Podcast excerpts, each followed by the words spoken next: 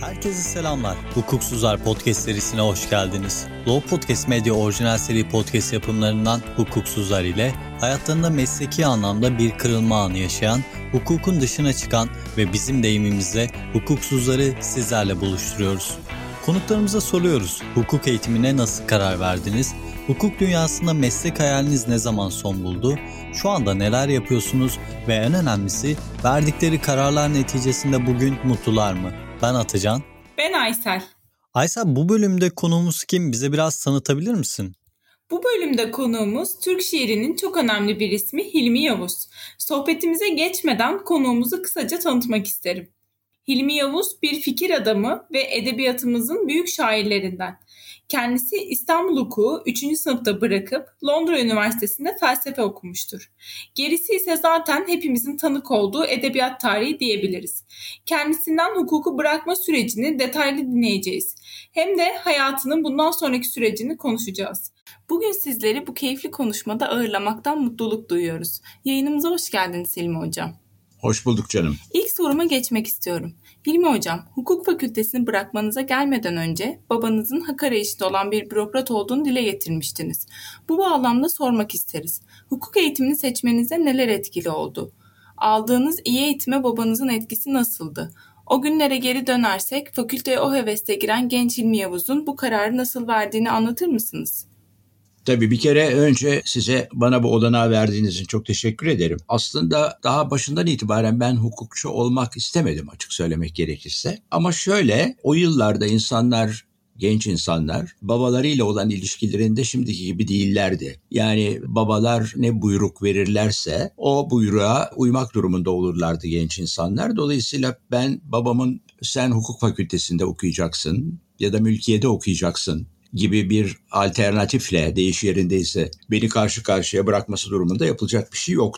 Ya Ankara'ya gidecek, siyasal bilgiler sınavına girecektim ya da İstanbul'da kalıp hukuk fakültesinde okuyacaktım. Elbette Ankara'ya gitmek istemiyordum. Elbette İstanbul'da kalmak istiyordum. Dolayısıyla hukuk fakültesine girdim. Ama dediğim gibi daha başından itibaren gözüm bir hukukçu olmakta değildi. Ama yani üniversite yıllarımda özellikle birinci, ikinci ve üçüncü sınıflarda çok kötü bir öğrenci olmadığımı da söylemeliyim ayrıca. Yani beni hukuk fakültesinde hukuktan çok medeni hukukun Osmanlıcası ve Roma hukukunun Latincesi daha çok ilgilendirmiştir. Yani benim dillere karşı olan belki de aşırı ilgimden dolayı zaten Osmanlıcaya belli ölçüde aşinalığım vardı. Dolayısıyla o yıllarda özellikle medeni hukukun dilinin tabii bütün öteki hukuk disiplinlerinin dili de tabii öyleydi ama ağırlıklı olarak medeni hukukun dilinin Osmanlıcası beni etkilemiştir. Yani işte keenlem yekunu mutlak ya da nisbi butlanla batıl olma gibi bir takım deyimleri bellemiş olmak bana nedense tuhaf bir şekilde haz da vermiştir. Aynı şey Roma hukukundaki Latince sözcüklerden ya da Latince Roma hukukundan edindiğim bir takım sözcükler içinde aynı şey söz konusu olabilir. Hala mesela Ulpianus'un 12 levha kanunu hakkında söylediği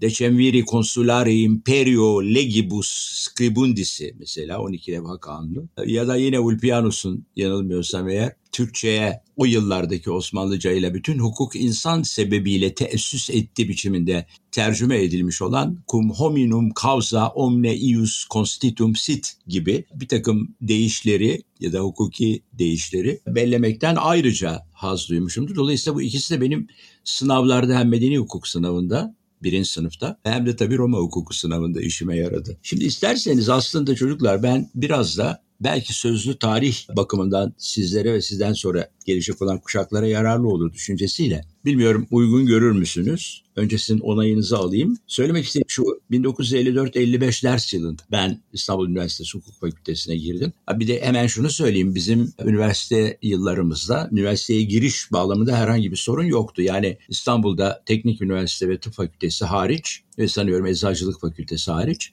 onlara sınavla giriliyordu. Onun dışında bütün fakültelere kaydolmak koşuluyla girebiliyor idiniz. Yani herhangi bir sınav vesaire söz konusu değildi. 54-55 ders yılında bir yıl önce tabii liseyi bitirmiştim Kabataş Erkek Lisesi'ni. O yıl bir arkadaşla birlikte daha sonra Türkiye'de önemli bir politikacı oldu, bakan oldu Ecevit hükümetinde Profesör Hikmet Sami Türk. O da hukuk fakültesine birlikte kaydolduğumuz hatta numaralarımız ard ardıdır. Benimki 430'du, onunki 432 idi. Kabataş'tan arkadaşım tabii birlikte kayıt olmuşuz. Şimdi şöyle bilmiyorum hala öyle mi ama birinci sınıfta biz o zaman A grubu diye biliniyor idik.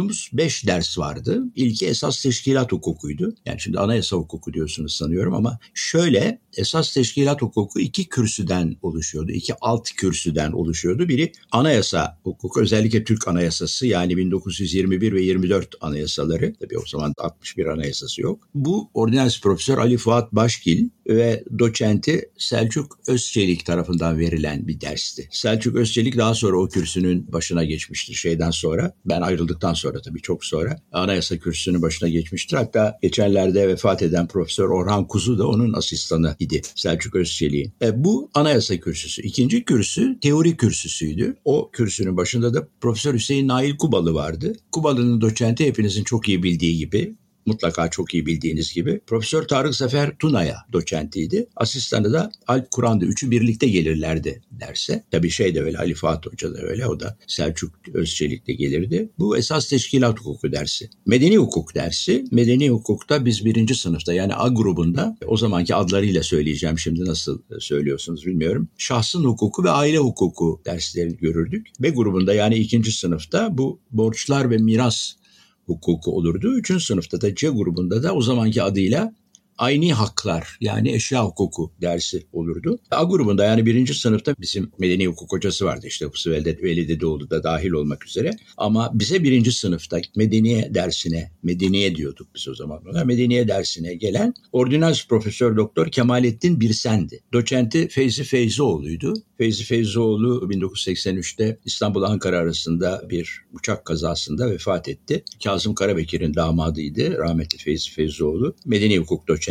Asistanları da Aydın Aybay'dı. Bu medeni hukuk kürsüsü. Hukuk başlangıcı diye bir dersimiz vardı. O dersin hocası ise Profesör Doktor Abdülhak Kemal Yörük idi. Dördüncü ders Roma hukuku dersi. Roma hukukunu bizden önce Schwartz veriyor imiş. Schwartz ölmüştü. Kürsüde profesör yoktu bizim başladığımız yılda. 1954-55 ders yılında yani. Profesör yoktu. Türkan Hanım rahmetli Türkan Rado doçentti. Ziya Umur Hoca doktor asistandı. Profesör olmadığı için İtalya'dan bir profesör geldi. Giovanni Pugliese adlı bir Roma hukuku profesörü. O geldi bizden önce. Schwartz'ın kitabı okutuluyormuş Roma hukuku dersinde. Türkan Hanım onu yahut işte Schwartz'ın kendisi onu okutuyormuş. Giovanni Pugliese bir başka İtalyanın kitabını önerdi. O Türkçe'ye de çevrilmişti zaten. Salvatore Di Marzo'nun kitabıydı bu. Roma hukuku kitabı. Ders kitabı olarak onu okuttu. Derste Fransızca konuşurdu Giovanni Pugliese. Ziya Bey de, Ziya Umur da o dersi Fransızcadan Türkçe'ye çeviriyordu. Son derste, beşinci derste bir son ders diyorum. Beşinci derste iktisat dersiydi. İktisat dersinde de ordinarius profesör Şükrü Baban geliyordu. İlginç bir adamdı Şükrü Baban. Yakasında kırmızı bir karanfille gelirdi. Derse girer girmez hemen hademe masasının üstüne, kürsünün üstüne daha doğrusu bir bardak su koyar. Şükrü Baban Hoca saatini çıkarır ve derse öyle başlardı. Daha sonra yine Ecevit hükümetinde bakan olan İktisat Bakanı oldu sanıyorum. Besim Üstünel Hoca, o da rahmetli oldu. Doçentti, Şükrü Baba'nın doçentiydi. İdris Küçük Ömer de, o da rahmetli oldu tabii. O da doktor asistandı. Onlar da üçü birlikte gelirler. Sağlı sollu, Şükrü Baban ortada, daha yüksekte, kürsüde. Sağında ve solunda Besim Hoca ve İdris Hoca otururlardı. Şimdi bu sınıfın bir özelliği var sevgili çocuklar. Onu da belirteyim. Bu sınıf 1954-55 ders yılı hukuk fakültesi birinci sınıf öğrencileri İstanbul Hukuk Fakültesi tarihinde en çok prof çıkaran sınıftır. Bakın ben size adlarını vereceğim şimdi. Ünal Tekinalp ve Erdoğan Moroğlu. Erdoğan da Ünal Tekinalp da daha sonra kara ticaret hukuku profesörü olmuşlardır biliyorsunuz. Sizin belki hocalarınız olmadı ama yani hocalarınızın hocalarının hocası belki de öyle söyleyeyim. Ünal Tekinalp ve Erdoğan Moroğlu. Erdoğan Allah rahmet eylesin yakında öldü. Kara ticaret hocaları, profesör. Pertev Bilgen Önce idarede, idare hukukunda Sıdık Sami Bey'in sanıyorum asistanıydı ama daha sonra anlamadığım bir takım nedenlerle hepsiyle benim ilişkim oldu daha sonra. Yakın dostluklarım sürdü sınıf arkadaşlarımla. Onun için onları biliyorum. Yani daha sonra Pertev idareden İktisat Fakültesini geçti. Orada maliye kürsüsüne asistan oldu. Orada profesör oldu. Hikmet Sami Türk demin adını verdim. O hukuk fakültesini bitirdikten sonra birincilikle bitirdi. Yani çok çalışkan bir öğrenciydi. Almanya'ya gitti. Almanya'da doktora yaptı. O da kara ticaret hukuku doktorası yaptı. Fakat nedense İstanbul Üniversitesi'nde değil Ankara Üniversitesi'nde asistan olarak göreve başladı ve orada profesör oldu. Daha sonra da bildiğiniz gibi politikaya atıldı. Hikmet Sami Türk. İşte önce sanıyorum devlet bakanı oldu, sonra adalet bakanı oldu, sonra milli savunma bakanı oldu ya da tersi yani önce Milli Savunma Bakanı sonra Adalet Bakanı oldu vesaire falan. O da prof. Erol Cihan, o da geçenlerde vefat etti. Allah rahmet eylesin. Ceza hukuku profesörüydü. O da Suli Bey'in, Suli Ordinans Profesör ve Suli Dönmezer'in damadıydı. Rona Aybay, medeni hukuk profesörü. Gülören Güzelçam, Gülören Ünal'ın eşi. Daha sonra tabii Gülören Tekinalp oldu. O da sanıyorum Devletler Hususi Kürsüsü'nde profesör oldu. Ve nihayet Önay Sözer, Önay Sözer Hukuk Fakültesini bitirdi ama hukukta profesör olmadı. O daha sonra Edebiyat Fakültesine, felsefeye başvurdu. Orada asistan oldu ve orada profesör oldu. Bu sınıf yani 54-55 sınıfı 8 profesör yetiştirmiş olan bir sınıftır. Benim hatırladıklarım bunlar. Belki de başkaları da var diye düşünüyorum. Ya aslında benim söylemek istediklerim yani birinci sınıf hakkında söylemek istediklerim bunlar. 2 ve 3 hakkında da eğer sorularınız olursa yani B grubu ve bu hakkında onları da yanıtlarım. Aslında İstanbul hukuk tarihini bize çok güzel şekilde anımsattınız. Bahsi geçen çok kıymetli hocalarımız var sizin de söylediğiniz gibi. Türkiye'nin en köklü ve kültürel anlamda da zengin eğitim kurumlarından birisinde üniversite eğitimine başlıyorsunuz. Yakın zamanlarda o sıralara oturmuş, dersler almış, o heyecanı hissetmiş birisi olarak diyebilirim ki siz daha şanslısınız ki daha yakından tanık oldunuz. Bu doğrultuda sormak isterim. İstanbul Hukuk sizin için ne anlam ifade ediyordu?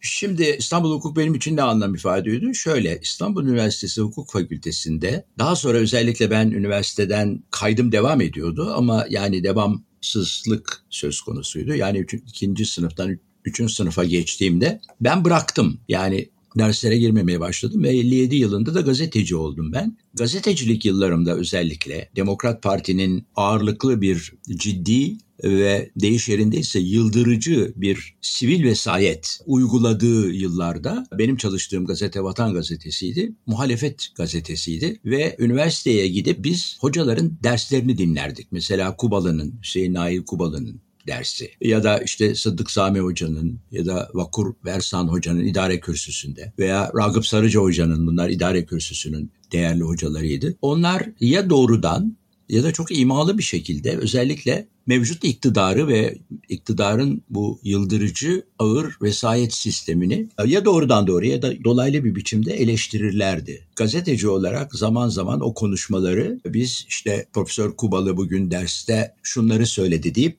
eleştirilerini aktarmışızdır. Benim için hukuk fakültesi o yıllarda yani özellikle 57 ve 60 yılları arasında yani Demokrat Parti'nin dediğim gibi o vesayet sistemini iyice ağırlaştırdığı, iyice baskıladığı Türk toplumunu ve işte kuvvetler ayrılığı vesaire falan gibi bir takım meselelere tamamen boş verdiği kaba tabirle söylemek gerekirse bir durum. Mesela tahkikat komisyonu kuruldu. Parlamento yani yasama organı bir tür yargı organına dönüştürüldü mesela. Böyle bir takım tedahüller oldu, geçişmeler oldu. Yani klasik o Montesquieu'nun koyduğu diyelim kuvvetler ayrılığı ilkesi düpedüz ihlal edildi. Parlamento çoğunluğunun kararıyla ihlal edildi vesaire. O dönemde hukuk fakültesi hocaları işte Profesör Kubalı gibi, Tarık Zafer Tunaya Hoca gibi, Sıddık Sami Hoca gibi, Ragıp Sarıca Hoca gibi yani özellikle esas teşkilat ya da anayasa kürsüsü hocaları ve tabii idare hukuku hocalarının eleştirileriyle öne çıkmış olan bir fakültedir. Ve bence o yıllarda hukuk fakültesi çok yiğit ve namuslu hocalar aracılığıyla vesayet sistemine kale gibi karşı durmuştur. Bu çok önemli bir şeydi. Yani hukuk fakültesi herhangi bir biçimde hocalarıyla iktidara, o yıldırıcı iktidara en küçük bir tabiz bile vermemiştir. Ben öğrenciydim ama yani benim öğrenciliğim tamamen e, formel anlamda süren bir öğrencilikti. Yani kayıdım vardı ama üniversiteyle hemen hemen bütünüyle fiilen ilgim kesilmişti. Hukuken belki kayıtlı olmak itibariyle devam ediyordu ilişkim ama üniversiteyle benim 57'den sonra olan ilişkim özellikle hukuk fakültesiyle olan ilişkim tamamen bir gazeteci olarak üniversite hocalarının adını saydığım hocaların ona işte İsmet Giritli'yi de Allah rahmet eylesin. İdare hukuku asistanıydı o yıllarda Giritli Hoca. Onu da katarak söyleyeyim ki daha sonra bunlar biliyorsunuz 1960'tan sonra 61 Anayasası'nın hazırlanmasında çok esaslı roller üstlenmiş olan kimliklerdir. O yüzden tabii Ankara hukuktaki hocalar ya da siyasal bilgilerdeki hocalar da elbette bu şeyde muhalefette diyelim iktidara karşı Demokrat Parti iktidarına karşı muhalefette çok önemli konumları olan, ağırlıkları olan kişilerdi. İşte Bahri Savcı gibi rahmetli, Mümtaz Soysal gibi rahmetli vesaire vesaire. Benim için hukuk fakültesinin önemi özellikle dediğim gibi 1957-60 arasındaki hocaların politik tavrı bir kez daha altını çizerek söyleyeyim. O sivil vesayete karşı DP'nin sivil vesayetine karşı çok ciddi bir yiğitçe öyle söyleyeyim bir ve namuslu bir karşı duruş sergilemiş olmalarıdır ki bu benim için hukuk fakültesini ve hocaları o dönemdeki hocaları gözümde büyük ölçüde yüceltmiştir. Gerçekten de Hilmi Hocam hukuk fakültesi yıllarınızı, o zamanki hocalarınızı bize çok güzel bir şekilde anlattınız. Bu şekilde bahsedince aslında merak ettiğim bir soruyu size yönlendirmek istiyorum. Kabataş Erkek Lisesi'ni bitirip sonrasında İstanbul Üniversitesi'nde hukuk eğitimine başlıyorsunuz. Ancak bu serüven 3. sınıfta son buluyor. Burada merak ettiğimiz Hilmi Yavuz o zamanlarda neden iyi bir hukukçu olmayı ardında bırakıp başka alanlara yöneldi? Şimdi herhalde iyi bir hukukçu olurdum aslında. Ama yani hukuka karşı bir nasıl söyleyeyim bir sempati duymadım. Ben daha çok başka şeyler yapmak istiyordum. Ben felsefe okumak istiyordum ki bunu nice yıllardan sonra, nice yazlardan sonra öyle söyleyeyim. 1964'te Londra'ya gittikten sonra gerçekleştirebildim. Yani bir anlamda 1954 ile 1963 yılları arasındaki gazetecilik dönemimi bir anlamda tam anlamıyla değilse bile kayıp yıllar olarak da telakki edebilirim. Yani öyle düşünebilirim doğrusunu söylemek gerekirse. Ben felsefeci olmak istiyordum, felsefe okumak istiyordum. Ama daha başından da söylediğim gibi yani babamın koyduğu dayatmaya karşı öyle söyleyeyim herhangi bir şey herhangi bir muhalefet diyeyim söz konusu olamazdı yani. O yüzden hukuka girdim. Dediğim gibi iyi bir öğrenci de olabilirdim. Çünkü gerek birinci sınıfta gerek ikinci sınıfta derslerden çok iyi notlar aldım. Mesela tahmin edebileceğiniz gibi gerek medeni hukuktan gerek Roma hukukundan yıldızlı pek iyiler almışımdır. Osmanlıcamın ağdalı Osmanlıcam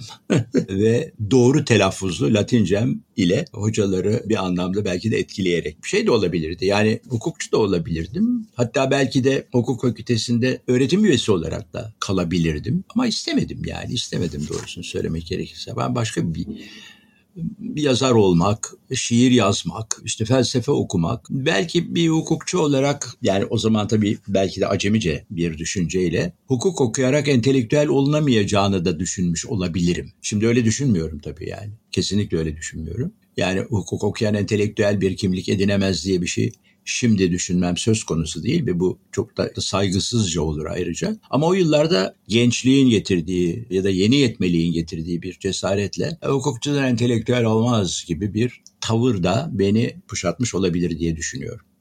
Hilmi Hocam aslında 3 yıllık fakülte eğitimini yarıda bırakmak kolay bir karar olmasa gerek. Bu konuda aslında yeni bir hayata adım attınız.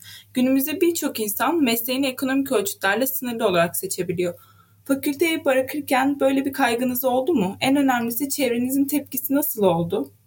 Şimdi şöyle hemen anlatayım. Aslında benim fakülteyi bırakmamdaki nedenlerden biri de, yani birçok neden var tabii. Bunlardan biri de babam benim emekli olmuştu. İstanbul'da yaşıyorduk. Bir kira evinde oturuyorduk. Çekirdek aile bizimki. Baba, anne ve oğul. Üçlü bir çekirdek aile. Ama buna rağmen babamın emekli maaşıyla yaşamamızı sürdürmemizin pek mümkün olamadığını yavaş yavaş hissetmeye başladım. Tabii bunu bana hissettirmediler. Ben tek çocuktum. Al gülüm ver gülüm büyütülmüş bir çocuktum gerçekten. Ama şımartılmadan. Evdeki gelişmeleri farkında olarak yaşıyordum bazı durumları. Yani biliyordum ki sıkışıyorlar. Biliyordum ki babamın emekli maaşının bizim dediğim gibi yaşamımızı sürdürmemizi pek mümkün kılamayacak gibi görünüyor. Alarm çanları çalmaya başladı gibi. Onun üzerine yapılacak bir tek şey var. Elimden bir tek o iş gelir diye düşündüm. Çünkü şeyden itibaren zaten şiir yazıyoruz vesaire. Dolayısıyla gazeteci olmaya karar verdim. Oktay Akbal'la tanışıyorum. Hikayeci Oktay Akbal'la.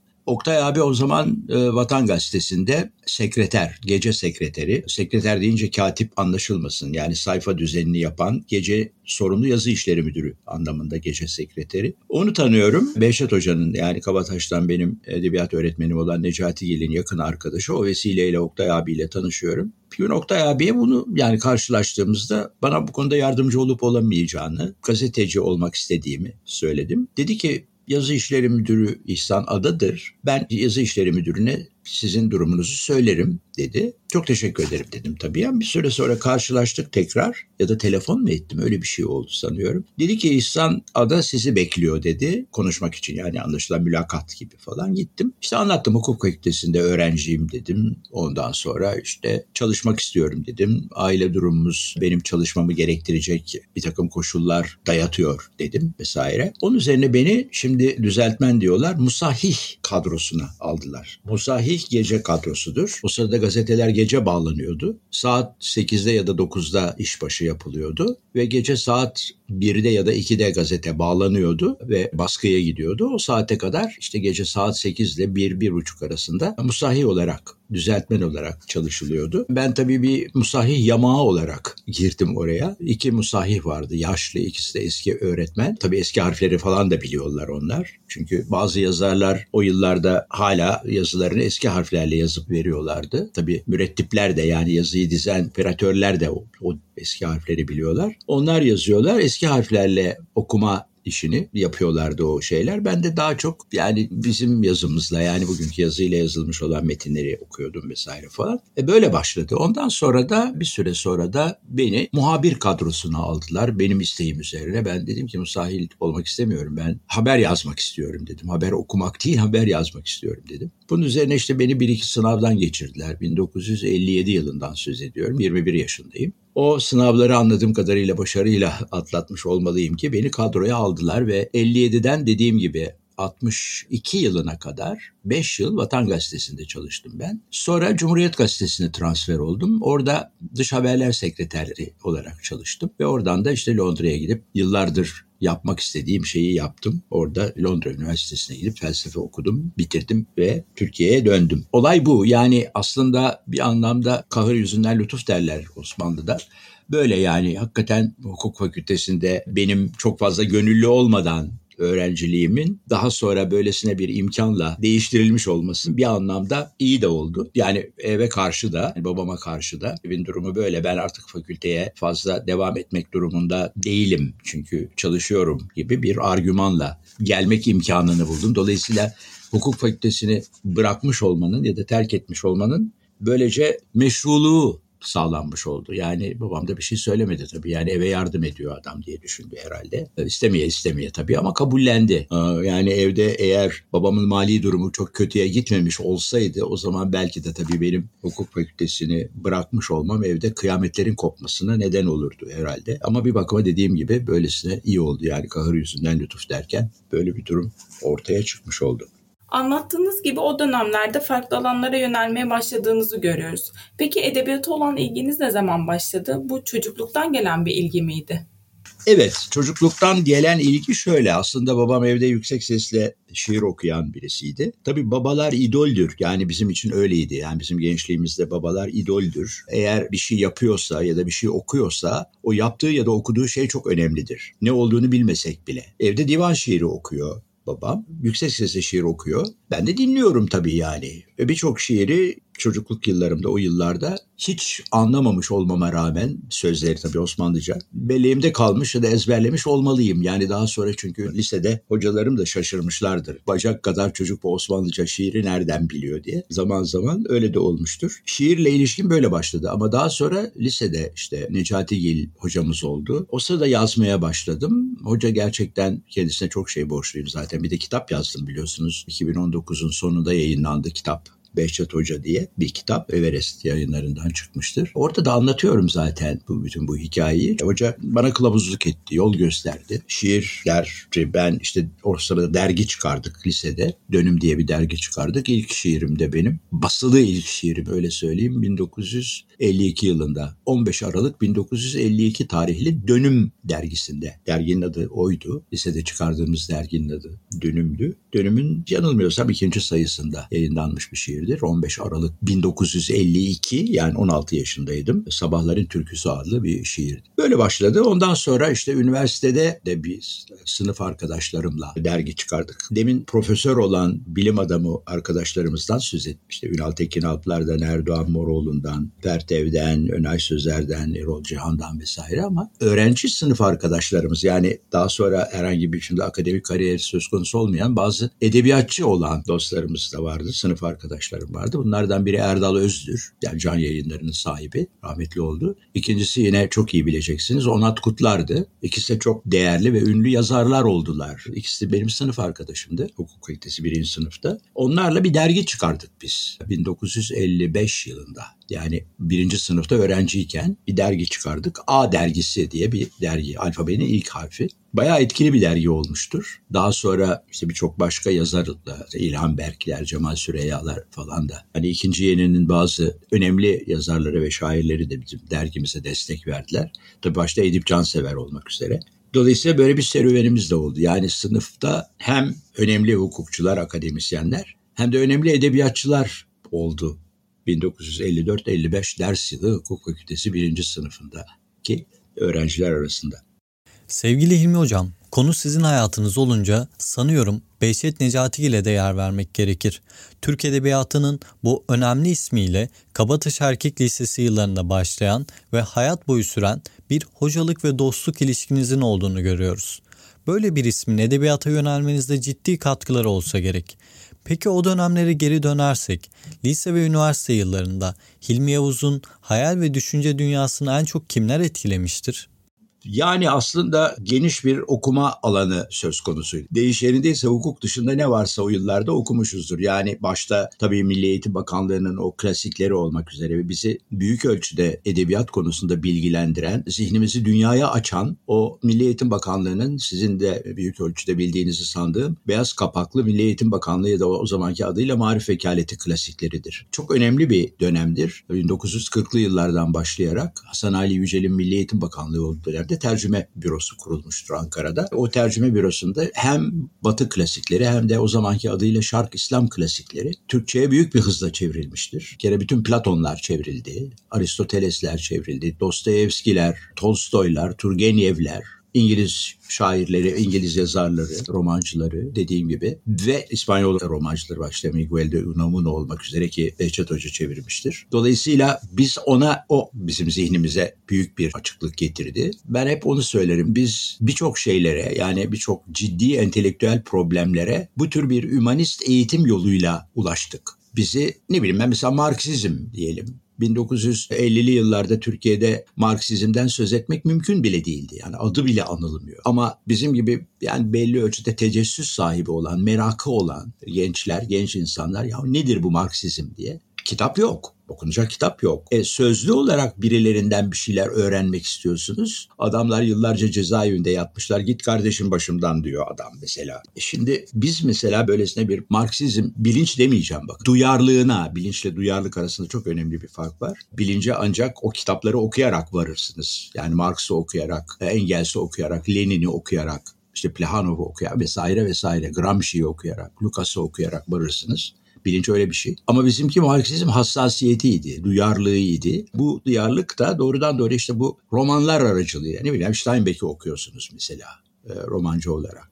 Ya da Türk yazarlarını okuyorsunuz, Orhan Kemal'i okuyorsunuz. Ne bileyim Sabahattin Ali'yi okuyorsunuz vesaire. Böylesine bir edebiyat üzerinden ümanist bir yaklaşımla biz bazı meselelerin daha sonra bilimsel olarak idrak edeceğimiz ve tabii bilince dönüştüreceğimiz bir takım meselelerin böylesine bir duyarlılık yoluyla, edebiyat duyarlılığının getirdiği o humanizma yoluyla edinmek imkanını bulduk. Bütün bunlardır bizi aslında bir anlamda iyi okurlar olarak üreten. Yani ben kendimi her zaman çok iyi bir okur olarak düşünmüşümdür. Hani Borges'in bir sözü var. Ben yaşamadım, okudum diyor. Ya da işte Descartes'in o sözünü değiştirerek söylersek okuyorum öyleyse varım diyebilecek türden bir okur olma tutkusu bu bende. Böyle yetiştik. Tabii o zaman ne internet var, ne işte televizyon var, bir tek radyo var. Radyonun dışında herhangi bir kamusal alanda bir takım şeylerin dile getirilmesi, konuşulması mümkün değil vesaire falan. O yüzden ne varsa bütün zihinsel mesaimiz de iş yerindeyse, entelektüel mesaimiz kitap okumakla gerçekleşiyordu. Dediğim gibi o yüzden iyi bir okurum. Hala da o alışkanlığımı sürdürüyorum doğrusunu söylemek gerekirse. Hilmi Hocam bir röportajınızda sizin için şiirlerim gibi yaşadım şeklinde bir başlık atılmış. Hilmi Yavuz'un şiirlerine baktığımızda yalnızlık hissiyatı bizi karşılar. Bir diğer video röportajınızda ise şiirin yazılan değil, inşa edilen bir şey olduğunu söylüyorsunuz. Tıpkı bir marangozun işçiliği gibi. Sevgili hocam bu bağlamda Hilmi Yavuz şiirleriyle, kelimeleriyle yalnızlık duygusunu hayatında yeşertmiş, inşa etmiş diyebilir miyiz? Tabii şimdi aslında şiirle hayat arasında çok birebir bir ilişki yok. Bir ilişki varsa bile bu dolaylı bir ilişkidir. Yani eğer kendisini çok hüzünlü hissediyorsa ben çok hüzünlüyüm demek onu şair kılmaz. Ama o hüznün yoğunluğunu mesela anlatmak için bir şair şöyle diyorsa eğer kim bilir ne kadar hüzünlü artık bir odadan ötekine geçmek bile diyorsa eğer o zaman bu şiirdir. Neden? Çünkü bir odadan ötekine geçmek kadar sıradan bir şey. Çok sıradan. Yani kapıyı açıyorsunuz, bir odadan ötekine geçiyorsunuz. Bir odadan ötekine geçmek nasıl olur da bir hüznün yoğunluğunu verebilir? Ne kadar hüzünlü artık bir odadan ötekine geçmek bile diyorsunuz. Bunu ne kadar büyük bir yalnızlık artık bir odadan ötekine geçmek bile diye de söyleyebilirsiniz. İşte bu şiir olur. Dolayısıyla şiirle hayat arasındaki ilişki bir dolayımdır. Yani doğrudan değildir. Şiirsel bir dile dönüşmek zorundadır. Yani işte Posta dergisinde mesela her gün onlarca şiir çıkıyor. Bakıyorsun işte ben yalnızdım, sahilde dolaşıyordum. Bunları şiir zannediyor adam mesela. Yani şiirsel dilin olanaklarından yararlanarak bir şiirsel söylem inşa edilmediği sürece yapılan şey sıradan bir şeydir ve şiir değildir. Anlatabiliyor muyum? Yani bu çok önemli bir şey. Peki hocam bununla beraber gerçekten şiirleriniz gibi yaşadınız mı? Bu konuda ne söylemek istersiniz? Valla yani öyle söyleyebilirim. Benim yaşamımda daha çok ağırlıklı olarak belki benim duyarlılığımdan kaynaklanan bir şey. Yani çok fazla mutlu bir ilk gençlik, orta yaşlılık ya da şimdilerde öyle söyleyeyim yaşlılık yaşadığım söylenemez doğrusunu söylemek gerekirse. Behçet Hoca'nın Allah rahmet eylesin bir sözü vardır. Her şey yarım diye. Hakikaten öyle yaşıyoruz yani. Hiçbir şeyi tamama erdirememek. Kendisi öyle bir şiirinde öyle söylüyor. Bir de başka bir şey de söylüyor. Çok tabii benim için çok önemli bir düsturdur, bir yol gösterici olmuştur. Yetin yerin olanla demişti. Bir şiirinde söylüyor bunu. Çok önemli bir sözdür. Yerin neresi ise onunla iktifa edeceksin, onunla yetineceksin derdi. Daha fazlasını istemeyeceksin. Çünkü daha fazlasını istediğin zaman yerin olmayan bir şeyin talebini yerine getirmiş olursun. Yerin olmayan bir şeydir orası istediğin şey. Senin yerin orası değil. Orayı hak etmiyorsundur. Oraya layık değilsindir. Onun için ne varsa elinde yetin onunla. Yetin yerin olanla. Dolayısıyla hocanın söylediği o yarımlık duygusunu ancak böyle ödünleyebilmek gibi bir durum söz konusu. Evet tamam her şey yarım. Hani bir şiirinde çok güzel bir şey söylüyor. Yani sonra askerleri düşün diyor. Çok güzel bir metafordur. Çok güzel bir benzetmedir. Sonra askerleri düşün diyor. Tam çıkmışlar siperlerden, pusudaki tepelerden bir kurşun. Tam böyle kendinizi özgür, rahat, mutlu, bahtiyar, son derece coşkulu bir yani dünyada sanki hiçbir şey umurunuzda değilmiş gibi yaşadığınız bir an birdenbire tıpkı siperlerden çıkmış bir askerin kurşunu yemesi gibi birdenbire bir olay sizi orada o mutlulukta, o coşkuda, o bahtiyarlıkta yarıda bırakabilir. Ve hep öyle oluyor zaten. Hep öyle oluyor. Yani o yüzden madem öyle tamam yerimiz burası. Yani yerimiz yarımlıktır. Evet burası bununla yetineceğiz demişimdir. Bu tevekkül değil. Bunu da böyle yorumlamak yanlış. Tevekkül değil. Bir durumun nesnel olarak, objektif olarak saptanmasıdır. Nedir nesnel? Evet bir takım şeyler oluyor ama bunu eski tabirle söylemek gerekirse kemale erdirmek, mutlu sona götürmek, taşımak mümkün olamıyor. E o zaman bunu kabul edeceğiz.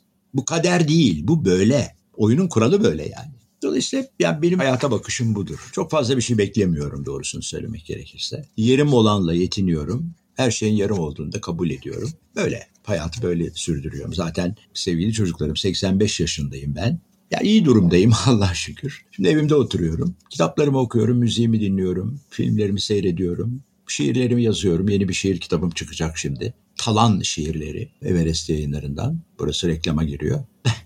E, Oktay Akbal'la yazışmalarım var. Onlar mektuplarım yani ben Londra'dayken Oktay abiyle mektuplaşmalarımız var. Onları bir kitap haline getirdim. Oktay abinin bana yazdığı mektuplar ve benim Oktay abiye yazdığım mektupları bir paralel metin halinde bir araya getiren bir kitap. Dolayısıyla şimdi yeni iki kitabım yayınlanacak. Onu bekliyorum. Elimde yazdığım edebiyat ve felsefeye ilişkin makaleler var. Onları da bir ara toplayacağım. Yapmak istediklerim buydu benim. Yani hukukçu olarak bunları yapamazdım büyük ölçüde. Onu söylemeye çalışıyorum. Yalnız bir şey söyleyeceğim.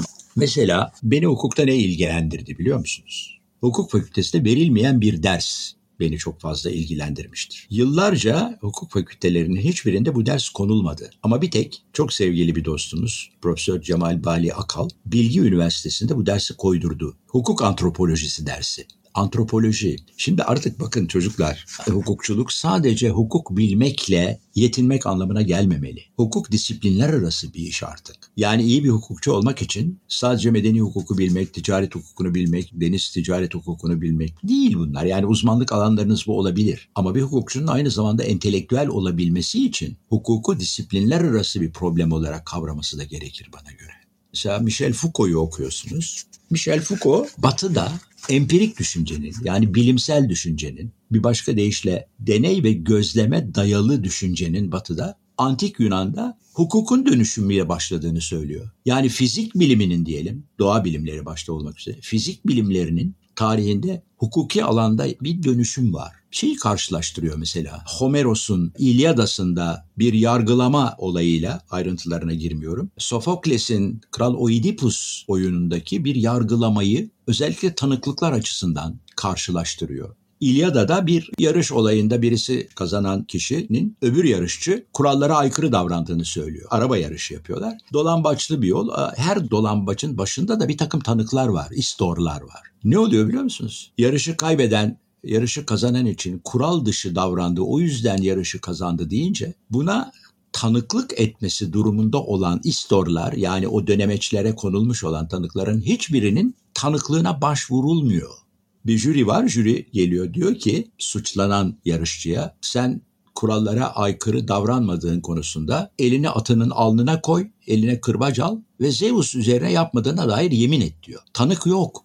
Halbuki kurallara aykırı davranmış olmayı saptamak için orada tanıklar var o dönemeçlerde. Eğer şu ya da bu biçimde kurallara aykırı davranmışsa tanıkların söylemesi lazım.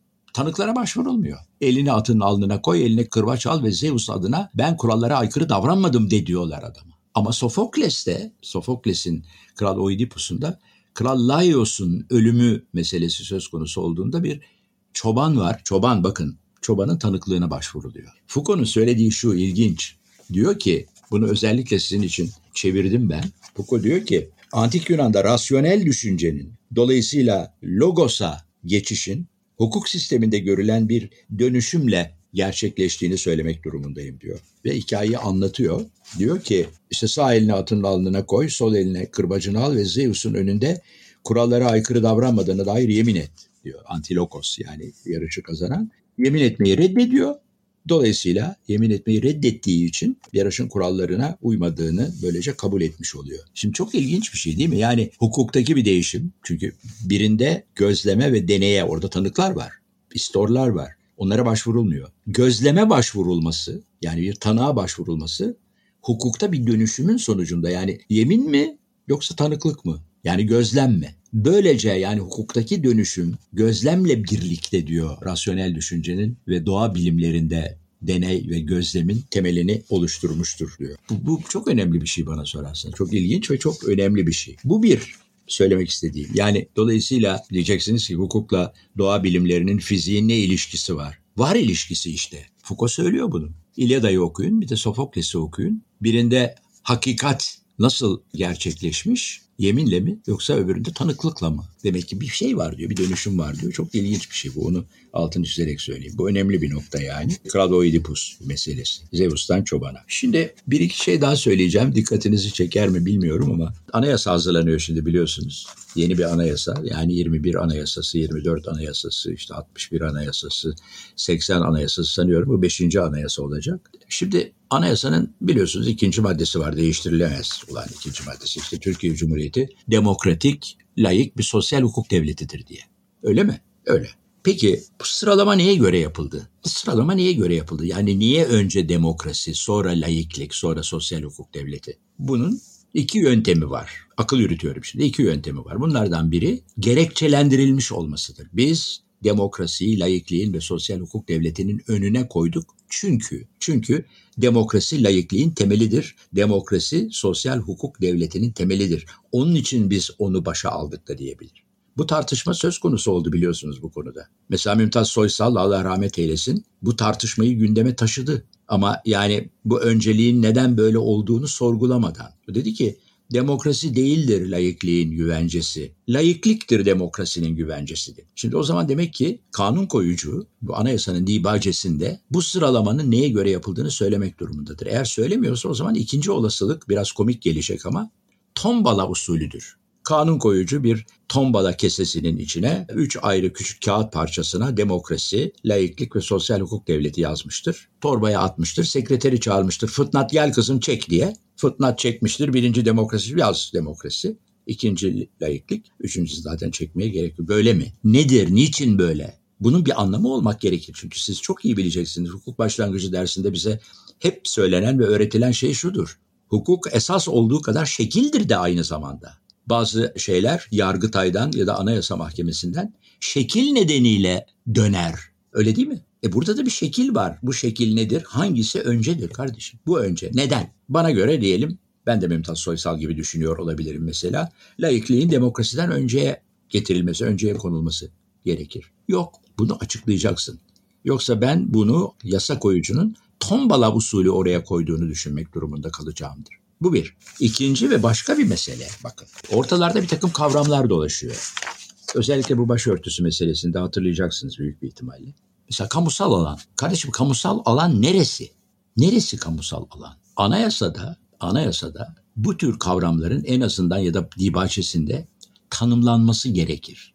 Çünkü başörtüsü meselesinde işte kimi üniversite dedi, Kemal Alemdaroğlu o sırada biliyorsun rektördü. Üniversitedir kamusal alan dedi. Ben başörtüleri sokmuyorum dedi. İşte Nur Serter vesaire, ikna odaları vesaire falan. Ecevit şey dedi. Merve Kavakçı geldiğinde başörtülü olarak kamusal alan parlamentodur dedi. Sokmadılar kadını ya da dışarı attılar mesela. Peki yani bunların bir ortak paydası var mı? Kamusal alan nedir? Herkes kendi kafasına göre kamusal alan tanımı yapıyor. Bir kavrama göre değil bir şeye göre, hayale göre, öyle söyleyeyim, imgeye göre yapıyor. Birinin kafasındaki imge üniversite, öbürününki parlamento, öbürününki mahkeme vesaire falan. Nedir ama kamusal alan? Tanımı yok. Sivil toplum ne? O da belli değil. Şimdi Kanarya Severler Derneği de sivil toplum. Ne bileyim ben Atatürkçü Düşünce Derneği de sivil toplum.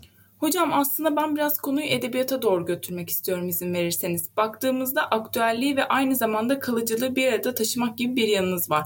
Çoğu zaman bir gazetecinin kalıcı eserler bıraktığını veya bir düşünce insanının gazetelerde köşe yazıları yazdığını görmemekteyiz. Bir nevi birbirine ters karakterle bu iki aynı tarzda yazmayı nasıl başarıyorsunuz?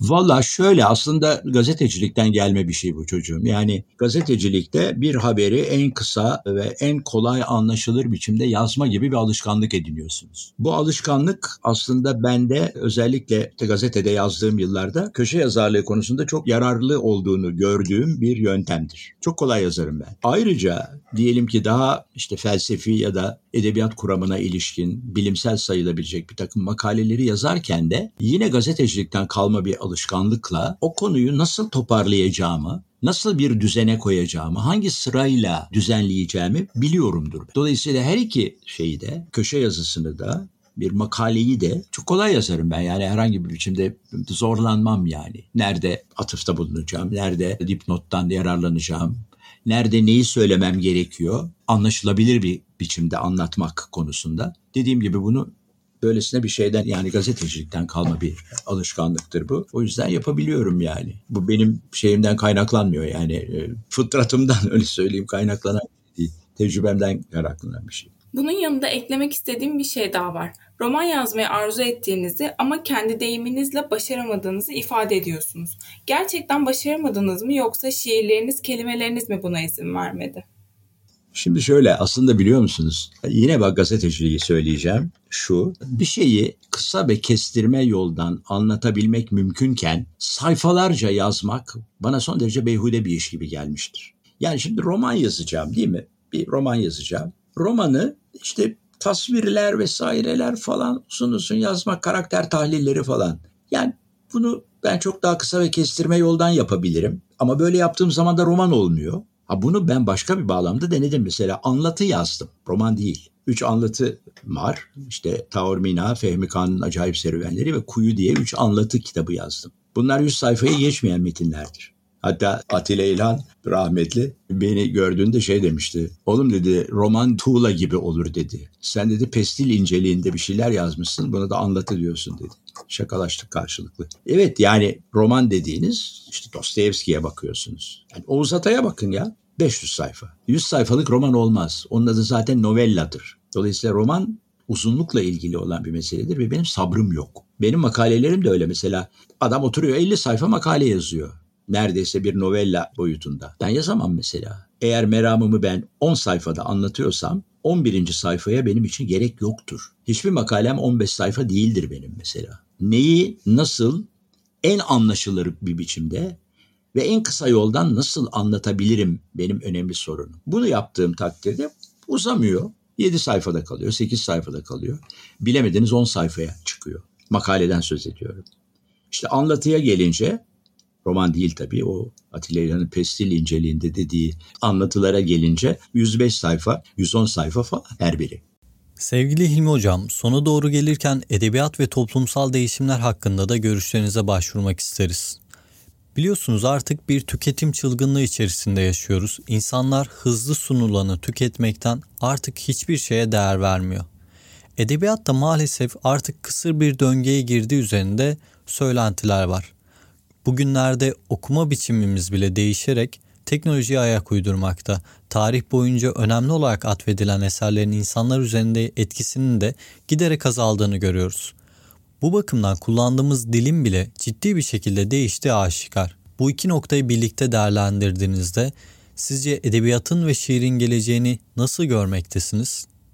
Aslında tabii bu e, elektronik devrimin çok önemli bir takım durumların ortaya çıkmasına neden olduğunu biliyoruz. İşte bu e-kitaplar vesaire. Giderek insanlar artık kağıda basılı olan şeyi okumaktansa ekranda görünür kılınanı okumayı tercih ediyorlar. Dolayısıyla gazetelerin tirajları düştü vesaire gazeteler şimdi internete dönüşerek varlıklarını bir anlamda sürdürmeye çalışıyorlar vesaire. Kitap da öyle. Kütüphaneye gitmek diye bir mesele yok. Tablet var ya da başka bir adı var onun. Orada binlerce kitabı, binlerce romanı ya da binlerce, yüzlerce makaleyi kaydedilmiş olarak gençlerin söylediği bir biçimde söylersek bir tıkla bulabiliyoruz. Dolayısıyla bilgi edinmek çok kolaylaştı. Haber edinmek de çok, haberdar olmak da çok kolaylaştı. Dolayısıyla böyle bir ortamda yani giderek her şeyin daha çok görselleştiği, insanların basılı olan şeylerde, kağıda basılı olan şeylerden ziyade ekranda görsel olanları tercih ettiği bir dünyada yaşıyoruz. Bunun elbette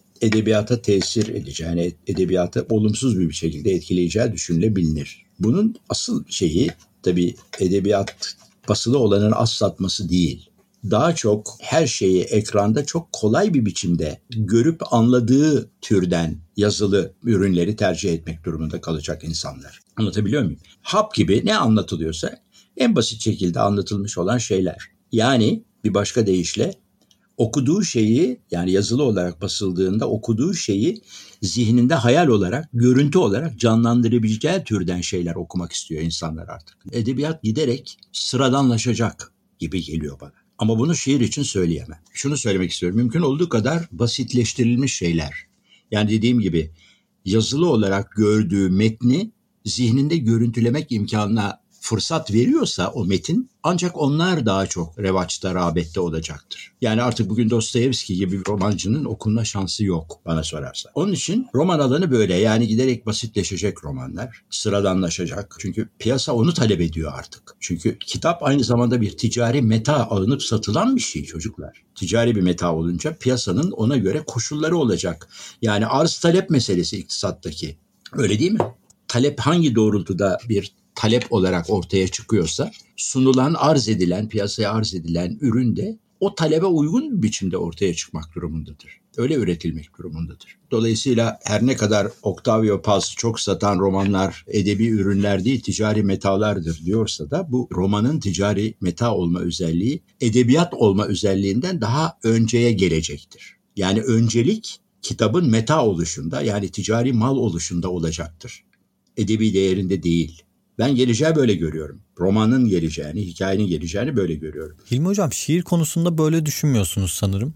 Gece şiirin bir meta olması söz konusu değil. Şiiri paraya dönüştürmek mümkün değil. Roman gibi değil yani. Dolayısıyla şiirde herhangi bir yozlaşma söz konusu olmayacak. Neden? Dediğim gibi metaya dönüşme, ticari eşyaya dönüşme imkanı yok roman gibi. Dolayısıyla onda edebi olan, edebiyat özelliği ticari özelliğinden ya da çok satma özelliğinden daha önce olacaktır. Yani önceliği olacaktır, prioritesi olacaktır. Edebiyatın, şiirin daha doğrusu edebiliğinin önceliği olacaktır. Ticariliğinin değil. Romanla aralarında böyle bir fark var. Romanda giderek ticarilik edebiliğin önüne çıkacak. Buna karşılık şiirde edebilik ticariliğinin şiirin önünde olacaktır diye düşünüyorum.